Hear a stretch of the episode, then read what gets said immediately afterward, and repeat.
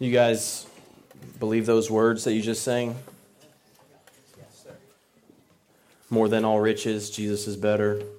More than any comfort, Jesus is better. More than any sorrow, Jesus is better. Our souls declaring Jesus is better. Those are, those are good words. I hope they are true for you. Let's pray together as we get started. And Zach, can you turn my mic down just a little bit? Let's pray together, guys. Father, we love you. We believe that Jesus is better. He is better than anything in this world. He is better than any, any pleasure, any joy that this world has to offer, God. I pray that He is better to every single one of us in this room. And I pray that our lives reflect that to a watching world. And I pray that your word would help us tonight to do that. In Jesus' name we pray. Amen. All right, let's go to 1 Corinthians chapter 9. 1 Corinthians chapter 9. As you turn there, um, does anybody, just show of hands, use noise canceling headphones? Like, you know what I mean by that? Like, they drown out everything. So, a couple people one, two, three, four, five. Okay, pretty good. So, think about noise canceling headphones. So, like, when I go to Starbucks, uh, to study for my schoolwork, I'll put in like little tiny inner ear noise canceling headphones. They cancel out all the noise. And um, some of you have headphones and you blare your music, even if you don't have noise canceling headphones. Some of you blare your music so loud in your headphones that someone could be yelling fire, fire, and you would have no clue and you would go down with the building, right? And that's just that's just the reality, right? We have people that wear AirPods, and now that makes it even worse, right? Because now you don't even have to you don't even have to haul around a wire or these big bulky headphones. And so I want you to think about this for a minute. So imagine you walk up to someone, and let's picture the big headphones, right? So the, like the Bose or the uh, the Beats that the cool NBA players wear when they walk through the tunnel, those type headphones. So let's picture those. Imagine you walk up to someone and you say, "Hey, I got to tell you something really important." And right as you go to speak, you take the Beats and you put them on their head and crank up the noise, and then you begin telling them something important. Okay? That sounds really dumb, right? Are they going to hear what you say? No. Okay? This is not a hard exam. Are you going to be effective to get your important news across, whatever you're saying? The answer is obviously no. All right? So, as silly and dumb as that sounds, that picture, okay, that picture in your head of the other person wearing loud music in their ears on the beats, is comparable to our witness for Jesus being hindered to other people.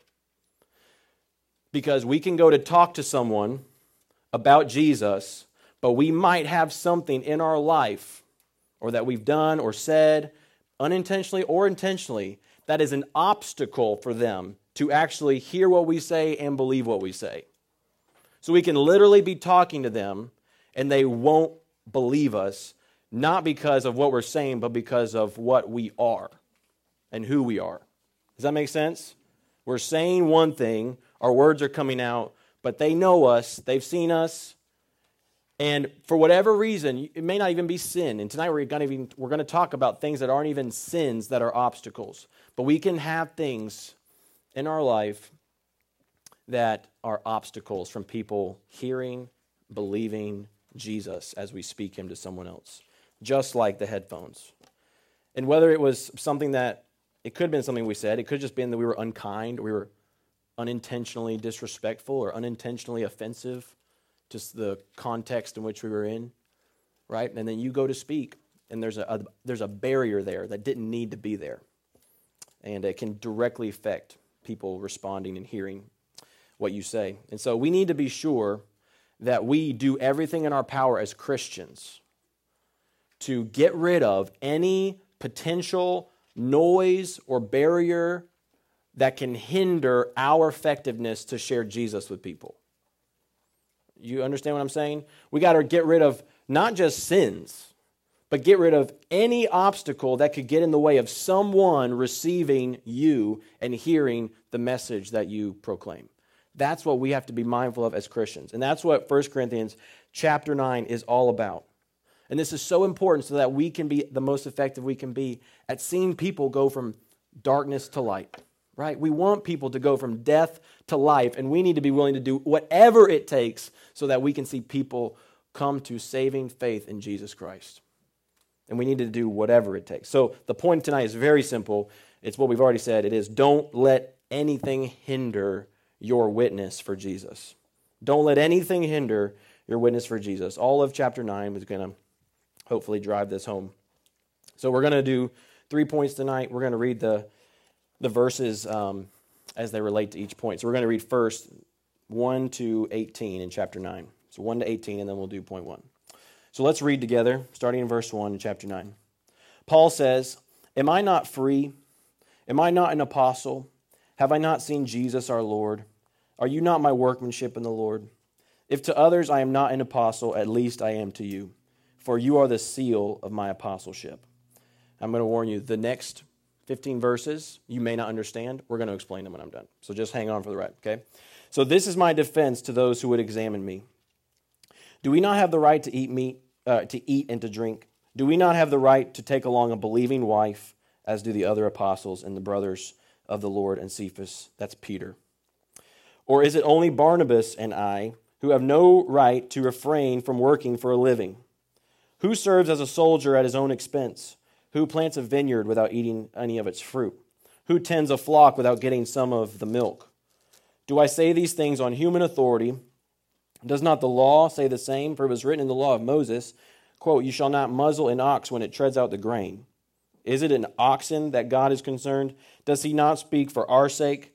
It was written for our sake, because the plowman should plow in hope, and the thresher thresh in hope of sharing in the crop. If we have sown spiritual things among you, is it too much if we reap material things from you? If others share this rightful claim on you, do not we even more? Nevertheless, we have not made use of this right. And then focus on this verse. But we endure anything rather than put an obstacle in the way of the gospel of Christ. Do you not know that those who are employed in the temple service get their food from the temple, and those who serve at the altar share in the sacrificial offerings? In the same way, the Lord commanded that those who proclaim the gospel should get their living by the gospel. But I have made no use of these rights nor am I writing these things to secure such provision. For I would rather die than have anyone deprive me of my ground for boasting. For if I preach the gospel, that gives me no ground for boasting. For necessity is laid upon me. Woe to me if I do not preach the gospel. For if I do this of my own will, I have a reward. But if not of my own will, I am still entrusted with a stewardship. What then is my reward? That in my preaching I may present the gospel free of charge, so as not to make full use of my right in the gospel. Okay, so I understand you're like, what is he talking about? And that's okay. So, point number one all three of these points are how we are to win people for Jesus. If we're going to win people for Jesus, first, point number one is we need to be willing to lay aside our rights. Number one, be willing to lay aside our rights. So from point, so from verse 3 to 18, Paul is talking about rights that he has as a Christian minister, as a preacher of the gospel. And the main right that he is talking about here, with all these illustrations and examples and quoting from the Old Testament, he is talking about preachers of the gospel have a right to be financially supported from the church. They, they are allowed to be paid by the church. That is a right that he has. So that is what he's talking about here. So from 6 to 18, Paul is saying, listen, I have a right to make my living by the church financially supporting me, but I don't take that. Okay? And so he gives all these illustrations, like um, in verse 6, he says, Do not uh, Barnabas and I have we are we the only ones who have no right to refrain from working for a living? And he means do we not have the right to stop working other jobs not in the church to support ourselves? Paul is a tent maker. So paul supports his own living he makes his own living so that he can be freed up to preach the gospel and the churches do not support him right? It's like paul doing another job like he works at lowes and then he goes around and preaches the gospel okay that's that's the situation here and he's saying, Barnabas and I, we have every right to be paid by the church, but we do not take it. So why? Then he gives in verse 7, he gives an illustration of a soldier. Verse 8, a uh, illustration of a um, uh, uh, was I'm sorry, verse seven, a vineyard and eating its fruit, and then verse seven again, uh, someone tending a flock, getting the milk, and then he quotes the Old Testament, and it's all about the same thing. And then verse thirteen are that those that are employed in the temple, they get their food from the temple. On and on he goes here, and all of it is to say, it is good and right that pastors get paid from the church, financially supported. Now, why is that? The sermon is not about pastors getting paid. It's not a money sermon, okay? So the reason that it was good and right and commendable is because it, if the church was able to financially support you or support a pastor, that meant that they were freed up to give all their energy and all their time devoted to discipling, teaching, preaching, counseling, serving the people of God, right? And they don't have to divide their time from working in another place right? Splitting up time, taking away time from the people of God so that they can work over here at Waffle House to make their living and then show up to preach the gospel on Sunday, right? Their time is divided. Okay, you guys understand what I'm saying? But churches, it is good for the church to be able to support their pastor so that he can give his full time and energy to that place without having division of time. And so Paul is saying this is a right that we have as apostles. And even in verse 14, even in verse 14, it says, The Lord commands those who proclaim the gospel get their living by the gospel. So if it's commanded by the Lord, it's good and right. Why is Paul laying down this right? Why is Paul saying, We're not going to take the living? We're going to make tents. I'm going to make my own wage, and we're going to preach the gospel free of charge. Why does Paul lay down this right? He lays it down because of verse 12. In verse 12, this is the hinge point of our first point. He says, We endure anything rather than put an obstacle in the way of the gospel. If you circle in your Bible, circle the word obstacle or underline it. Okay? He does not want anything to hinder him from being effective or able to share the gospel. He even says in verse 15, he gets even stronger and he says, I would rather die than anyone deprive me of my ground for boasting. AKA, I would rather someone beat me to death than for me to no longer say, I preach for free. Okay? Because if he's able to say, I preach for free, that means that no one can bring any charge against Paul about his motives or intentions for preaching the gospel. Because it would have been easy if you know Paul's history, many of you may not. Paul was converted suddenly to Jesus. He was killing Christians. He was on his way to kill Christians. By the time he got to his location, he was preaching the gospel. Okay? Something dramatically happened on the road to Damascus for Paul. And it would have been really easy for people to look at Paul's life if he was taking money and going, well, that was just fake. Now Paul's just preaching for money, right? We know Paul. We know his heart. That guy's a jerk, right? We know his intention. So people could have accused Paul of that. And if he was taking money from a church, it could have tied him down and limited him from going all around and preaching all these places. And so, because he is able to say, I don't take money, no one can question Paul's motives. Do you see what I'm saying? He has a right to do something, he doesn't do it so that his effectiveness is not hindered. Are we tracking with this? Okay? So, for you, this is why this is really important, right? Because it means that we should put no obstacles, even if they are good things, right things. You have a right to do something. If they are an obstacle for you and your effectiveness to share the gospel, you should not do them. That's what we're saying. Okay? Because, like Paul, he's compelled to share the gospel. He doesn't want money for it.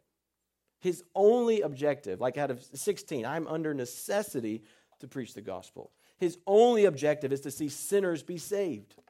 And he wants to be the most effective he can be at that. He doesn't want anyone to question him, anyone to question his character, anyone to question his motives or his lifestyle. And so for us, this is really important. So let me ask you is your witness for Jesus unquestionable? Is it, as we would say, above reproach, which means above criticism? All right? That means if someone were to criticize you, your character, or your life, will that criticism be true or will your life prove it to be not true so that they have nothing to bring against you?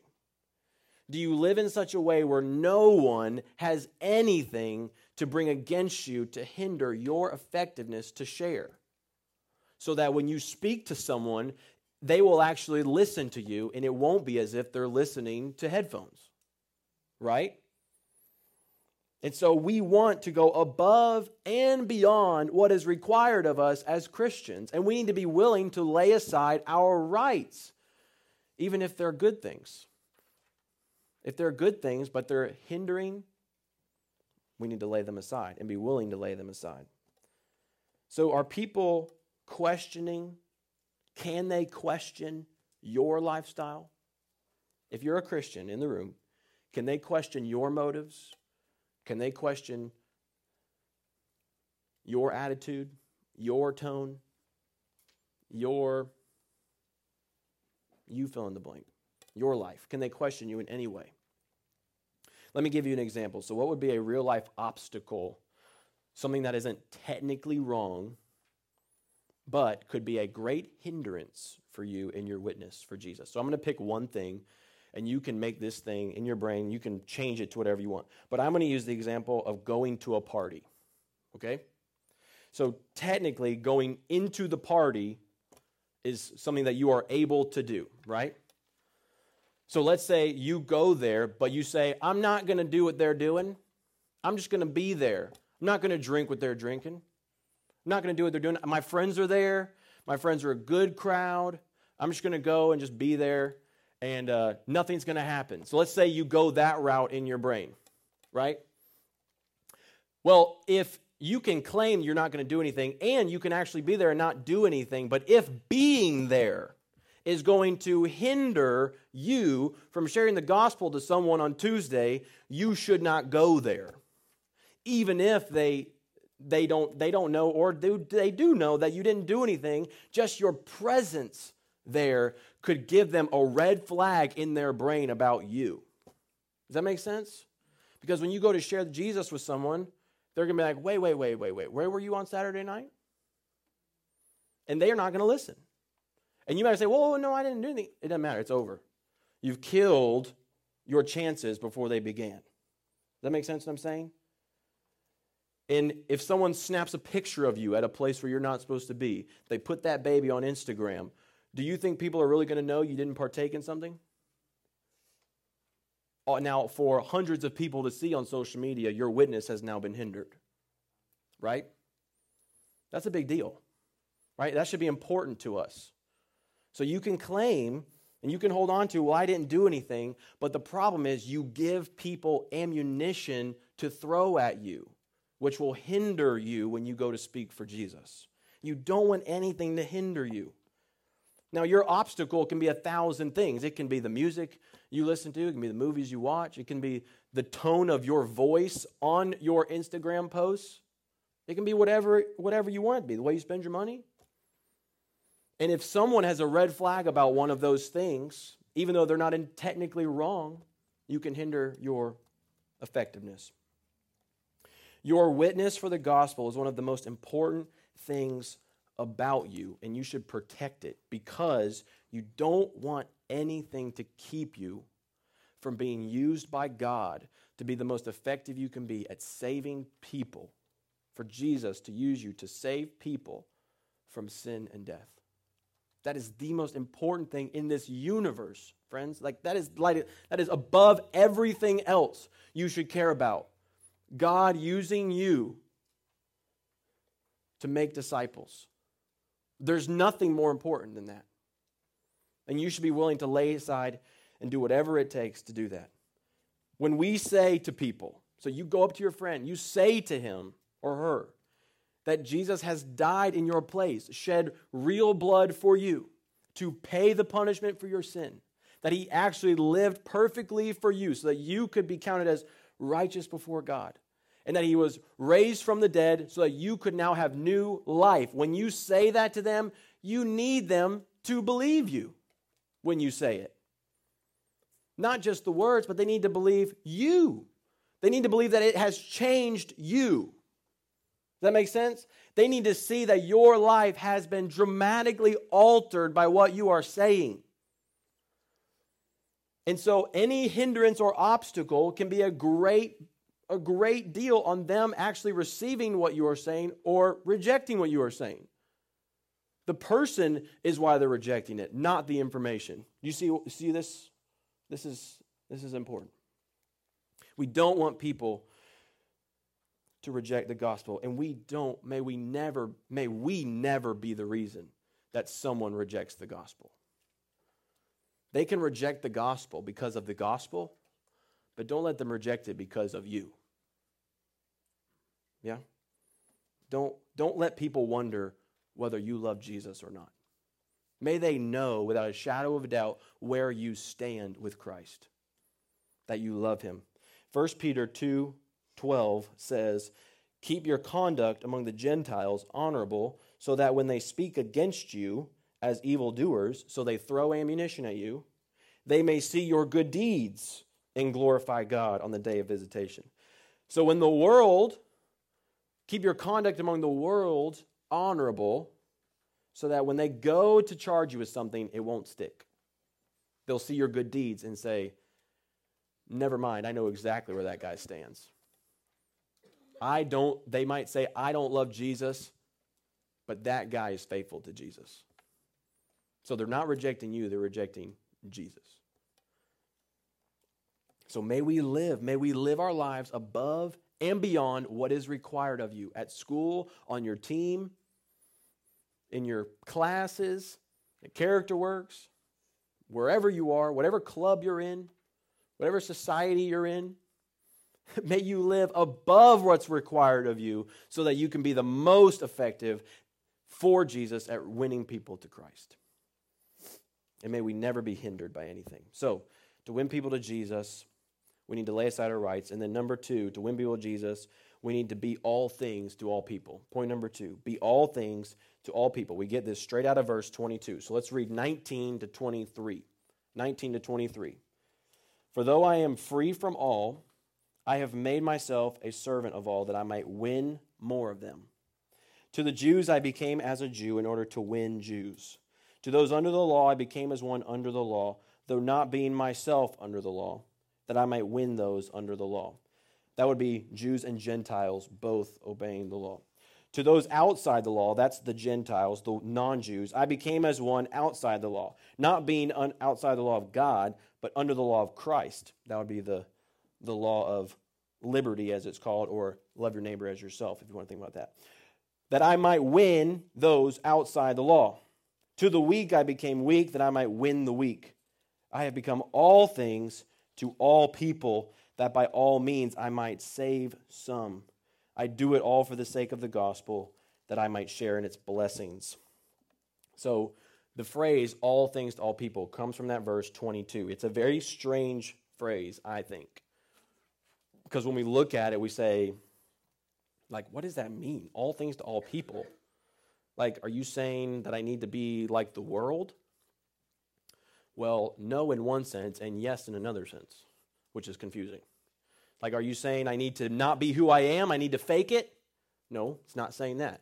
So, what is Paul saying? He says the word win five times win the Jews, win those outside the law, win those under the law, win the weak, he says it five times. There's, and he's talking about four different groups of people. So you have four different contexts of people. So this would have involved different cultures, different social norms, different languages, different dress code, you name it, different diet, all right? Things that if you walk in with your customs into their culture, you have put a hindrance. That makes sense? If you walk into China and you expect to live like you do here, you will put a massive hindrance between you and them and sharing the gospel with them. Okay? So Paul is saying something totally different. So what is he let's first talk about what he's not saying. Okay, so let's get this down. What is he not saying when he when he says become all things to all people? Here's what he's not saying. He's not saying that we need to become like their sin in order to win them. Okay? So he's not saying To the drunks, I became a drunk to win the drunks. That is not what he's saying. To the mean girls that gossip, I became a mean girl to win the mean girls that gossip. Not what he's saying, right? He's not saying you become their sin. Okay, so make the divide. Jesus says that we are to be in the world, but not of the world. Okay, so that means don't embrace what the world does, but you are in the world. So that's the, there's a big tension, right, that you're always trying to wrestle with. So we are supposed to expose darkness. And to expose darkness, what you do not need is more darkness. Right? If you're going to win people in sin, what you don't need is more sin. What casts out darkness? Light. You need light to expose darkness right? You need truth to expose lies. You need grace to expose hardness of heart. You need the gospel to expose their sin and convict them of their sin. So you don't become their sin. That's not what he's saying. So, what is he saying? He is saying, do everything you can to overcome overcome any potential barrier between you and that person that you're trying to reach. So, do anything to overcome the potential barrier between you and that person. All right? So this is more socially and culturally than it is anything else.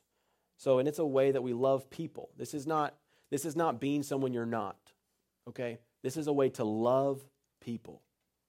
All right? This would be like learning different languages to witness to someone. This is eating whatever you're served when you go over to someone's house. Okay? It's learning to be culturally appropriate with your dress and your words and your fingers and your hand motions and the way you sniffle. I don't know. Like all these cultural things that you need to be aware of, right? It's that kind of thing, learning those things, understanding their way of life, understanding their sports and their politics, all of these things, getting to know them. So it would require, in some extreme context, for you to do homework and research. How can I best love this person? Okay, but it may be more practical than that. All right, so let's think about every day. So let's think about three. I'm going to think about three common examples that might help. Let's say you want to win your neighbor who loves her five dogs. They may have a neighbor with lots of dogs? Anybody in the room? Okay, a couple of you. So let's say you have a neighbor with lots of dogs and you want to win them for Jesus, what you probably shouldn't do is stand in your driveway and be loudmouthed about how much you hate dogs. Okay? That's probably not a good place to start. And it's okay that you don't like dogs. You don't have to fake that you like dogs, but what you could do to try to win your neighbor to love them is maybe strike up a conversation with them and figure out what kind of dog treats they like. And then you go surprise them one day with treats for their dogs. And you see how you're loving this individual and you're loving your neighbor. And even though you don't love dogs, you love the person. And so you're trying to become like them, right? You're trying to be in their shoes and be in their world. Let's think of another one. So if you get, let's say you switch schools, and let's say you're going to Manchester now, okay? So let's say you're going to Manchester. The best thing to do to reach people at Manchester is to be all in at Manchester. Have school spirit. Wear the t shirt. Go to the games. Because you're probably not going to win your friends at Manchester if you keep bragging about how awesome your former school was. That's probably not a good place to start. Okay? You might create unintentional barriers. But the way to love them is by becoming like them. So adapting to the culture that you're in. So be all in where you are. So, one more. If you wanted to win your science teacher to Jesus, maybe don't start the conversation with how much you hate science. Okay? Now, you might have that kind of friendship with the teacher or something, or they already know you hate science, whatever. But maybe don't start there and create a wall before you've even began. You don't have to love science, but maybe don't brag about how terrible science is if you're trying to win your teacher to Jesus. Maybe you could start by thanking them for helping you learn something you didn't know very well. That's a good place to start. You see how you're you're in their world and you're just trying to be respectful and kind. You know, kindness overcomes a tremendous amount of barriers. Being kind, being respectful, and being loving. Because no matter what culture you're in, there is never a reason to be unkind, unloving, or disrespectful. And you can overcome a thousand barriers for the gospel with kindness and love. And one of those ways is just doing some homework and learning the culture without compromising your witness for Jesus. So, chameleons, don't chameleons adapt? Renee? Okay, thank goodness. Okay. I always do my animal check with Renee because she's a science nerd. So I do the double check. So, chameleons, okay, right? So the chameleons blend in, right? They adapt. So be a chameleon, man. Adapt to wherever you are and be there. Become like them in that sense. Let the gospel let the gospel offend people if anything's going to offend someone. Let it be the gospel itself that offends people, not your personality. Does everybody understand what I mean by that? Your personality in life should look like Jesus. The gospel is going to offend people, it just does. But you don't have to be offensive, right? We can do this. We can do this. Become all things to all people, that by all means I might save some. So in verse 22, when he says that by all means I might save some, he is saying, do whatever it takes. Don't unnecessarily offend. Don't kill your chances before they begin to have a conversation. So you might say this in your brain right now. You might say, well, I'm just going to live my life. I'm going to do what I'm allowed to do. And if they get offended, that's their problem, not mine. That's very common, right? And arrogant. Because what we do is when we do that, we unintentionally and unavoidably put a massive barrier between you and them. And now you are unable to win that person for Jesus.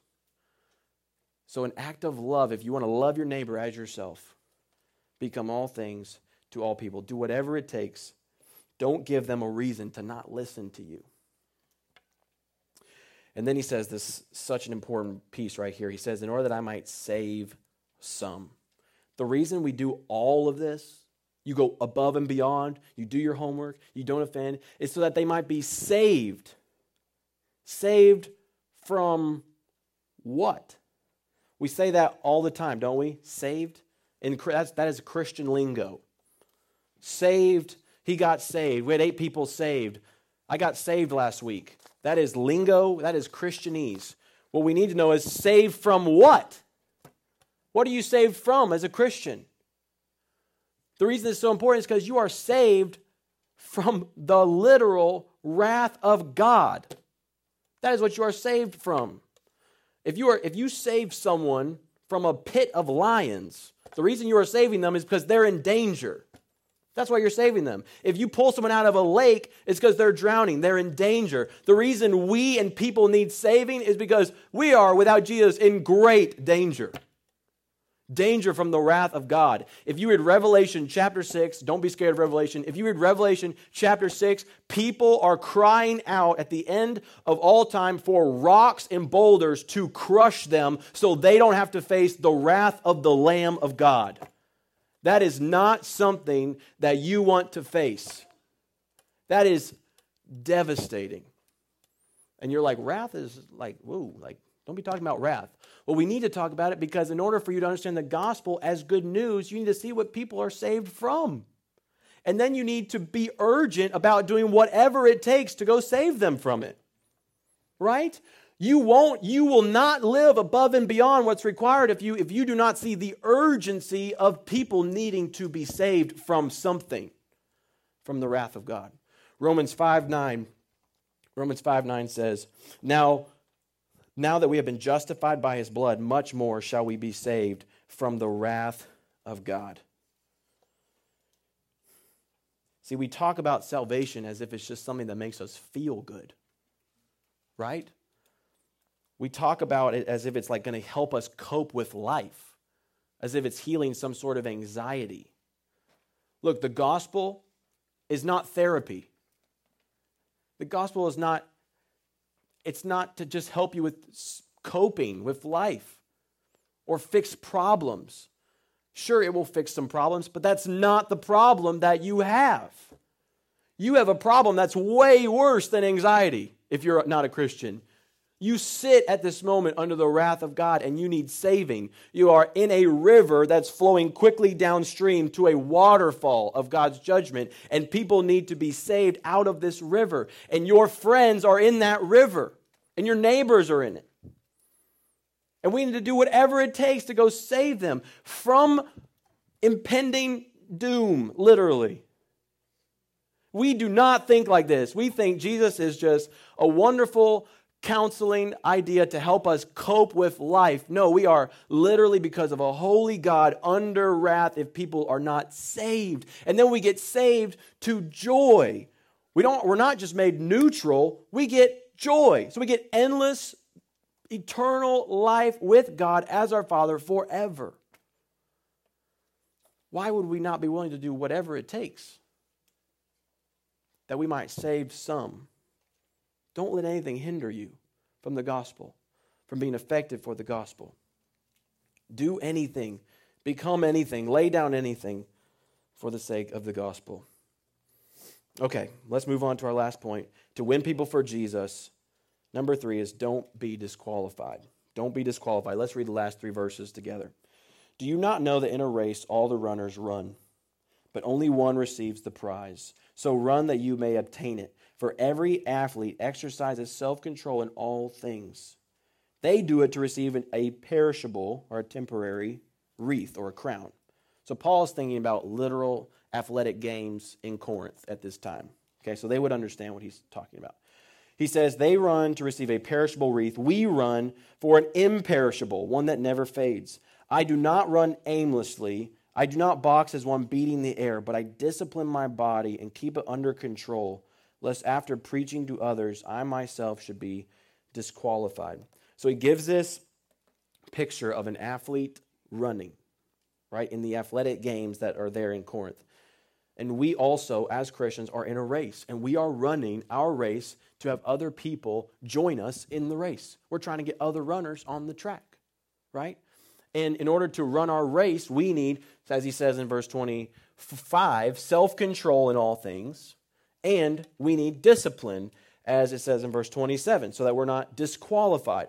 So let me compare this to the discipline of an athlete for a second. So think about, let's just think about the self discipline of a of any athlete. So let's just think about diet and exercise. So diet, if someone is training in the Olympic Games, a swimmer, for instance, they're not just because they can eat fried chicken, they're not going to eat fried chicken, right? Just because they can they doesn't mean that they should. That's a good model to live by. Just because you can doesn't mean you should. Okay? And just because you can eat the fried chicken doesn't mean you should. Why do they do that? Because they want to keep their body under control so that they can perform at top peak performance. If you know what Tom Brady's diet is like, it is so stupid, no one would ever eat it. Right? He's eating avocado ice cream and he's eating all this junk so that he can avoid inflammation so that he can keep playing as a 43 year old playing football. Why does he do that? Why does he put his body through that? Because to him, to him, it's not unnecessary. Right? He's doing whatever it takes, going above and beyond every other player's diet so that he can keep playing. How much more should we go above and beyond what is required of us so that we can run our, faith, uh, run our race most effectively? Hebrews 12, 1 and 2 says, We run our race and we lay aside every weight and sin to run our way, race. It doesn't just say we lay aside sin in Hebrews 12, it says we lay aside weight and sin, meaning anything that can hinder you, you lay it aside. So, what is a hindrance to you? How much more should we be disciplined? to go after a prize that never fades. So, what should you do and not do? What should your life look like so that you, when you go up to someone on Thursday, you can speak to them and you're not disqualified from speaking to them because of the life that you live or because of what they perceive you to be? Perception, your perception in their mind, is very important. And are you giving them something to throw at you that would disqualify you from being the one that gives them the gospel. That's what Paul is saying. Don't live a life that would disqualify you, but go above and beyond so that we can see people go from darkness to light. So I want to think through some final questions for some application. So, what would be some questions to think through to win people for Jesus or any decision that you make? How do you live a life that goes above and beyond? Here are some questions that you could ask yourself to help you live a life that goes above reproach. One, is what I'm about to do going to help or hinder my witness? That's a good question to ask for any post on social media or any place that you travel to or any friends that you hang out with. Is what I'm about to do, is what I'm about to say going to help me share the gospel later or hinder me from sharing it? That's a good question. Another one, what is the most effective what is the most effective way I can reach this person or this group with the gospel? That's another good one. Number 3, what might offend them that I'm not aware of? That would require some asking and some research, but it's a good question. What might offend in this situation that I'm not aware of? And then last, what might I say or do that would be disrespectful? So related to the last question, but different. What could I say or do in this particular setting that would be disrespectful? And then whatever that is, don't do that thing. Okay? And I know, I get it. Like, you're not going to nail all these questions, and you're not going to make a decision and scroll through the questions in your mind. So, I'm not expecting you to do that. What I'm expecting of you and urge you to do is to just be mindful. Just be mindful. Live your life being mindful of your witness. And just think, just consider is this going to help or hinder my witness? What can I do to live effectively for Jesus? How can I remove all the obstacles? If you're mindful of it and you're thinking through this, that's good because Jesus will help you because we're not perfect. We're not going to keep these things perfectly. Look right at me. Every single one of you, and myself included, will inevitably always, intentionally or unintentionally, put up obstacles for people from hearing the gospel from us.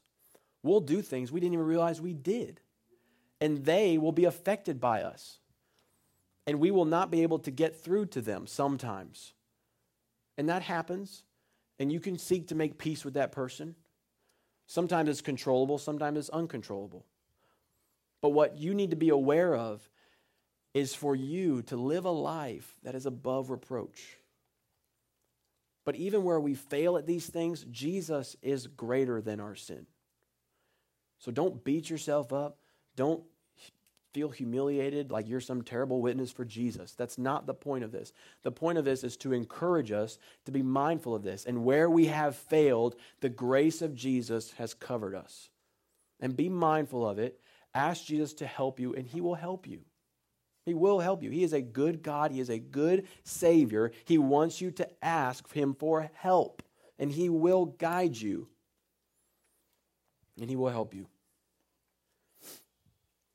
So you might say, well, how do I get how do I get to this place at all where where I'm even making decisions conscious about my witness for Jesus? You're like, Mark, I didn't even know what the phrase witness meant when I walked in the room. And that's okay. You're like, I love Jesus, I come to church, but I don't, I don't have a clue that, about making decisions that affect or hinder my effectiveness or my witness for Jesus.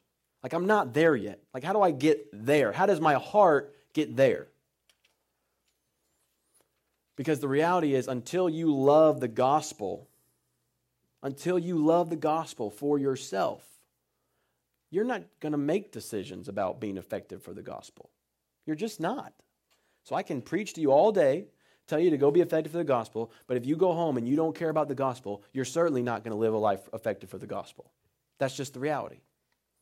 So, how do we get there? I think two ways. One is you abide with Christ every day. Abide with Christ every day. What does abide mean? Abide means walk with Jesus every day. It means stay with him, walk with him, Talk to him. Read of him in, your, in his word. Let him speak to you. this is the living word of God. If you want to hear the voice of God, pick up this book and let it speak to you like this. Imagine this is a mouth. Okay? This is how God speaks to you right here. Don't say, I heard the voice of God when your Bible is dusty on the shelf. No, you did not. You hear the voice of God when the book is open in your lap. Looking at it, looking at His words. All scripture is inspired by God. It is living and active. It is useful for you. You are made holy by the Word of God. You are given affections and joys for Jesus by being in this book. You say, Mark, I want to be like Jesus. Well, if you want to be like Jesus, you won't get there if you don't read the book. So, if you want to be effective for Jesus and this stays closed, you will not be effective for Jesus because your affections won't love Jesus and you won't give two hoots about being like Jesus. And so, if you want to have a heart that cares about other people being saved from the wrath of God and being brought into eternal joy with Jesus in heaven, then you got to walk with Jesus in this book. There is no other way, there's no other route, there's not a second option. Be in the Word of God. Because Jesus says, Follow me. Matthew 4 19. Follow me and I will make you fishers of men. Which means if you follow me, then you will become someone who wins people to Jesus. Did you see the I will make you? Jesus says, You follow me, and I will make you a fisher of men. Jesus has a promise in that command, which says that he does the work to help you win people if you follow him. So you follow him, Jesus transform you transforms you to win people for Christ. Walk with Him every day. And then lastly, remind yourself of the need, your need for the gospel. You need the gospel every day. You need to remember that your sin for today is covered. That Jesus shed his blood so that you would be forgiven right now. That when you walk through school to your friends tomorrow, that even if you stumble, the very perfection of Jesus is in your place. And you can smile and you can hold your head up and you can keep going. And when you remind yourself of the gospel, you actually begin to love the gospel. Preach the gospel to yourself every day. And as you love the gospel for you and how it's changed you, then people, when you speak to them, they will be able to see how it's made a change in your life.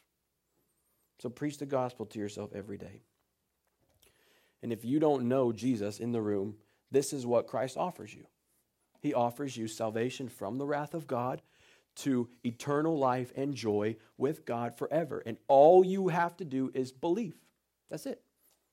Believe. Whoever believes in me will never perish but have eternal life. John 3:16. You give yourself in faith to Jesus and you follow him. You turn from your sin. You turn to Him. You just look to Jesus. You say, Mark, what do I got to do? That's not really doing anything. Exactly. That's the point. You don't do anything. Jesus gives you faith, and you follow Jesus. Look to Jesus and go after Him, and you will be saved. And if you want to talk more about salvation, just come talk to me. I'm going to be right here after we're done. And I would love nothing more than for you to leave the room, even if you've been here for two, three years, for you to leave the room tonight walking out of darkness into marvelous light. So please don't leave without that. And, believer, let's spend some time in just a second as we sing, just with Jesus, confessing where we have failed in this area and ask Him to help us be effective witnesses for Christ. Let's pray. Father, Lord, we love you so much. Thank you for the gospel. Thank you for the goodness of it how it changes us. God, I pray that you would make this room, make this group effective witnesses for Christ. God, may we preach the gospel to ourselves. We need the gospel. Thank you for covering our sin today. Make us effective for Jesus. Let us not put any obstacles in anyone's way.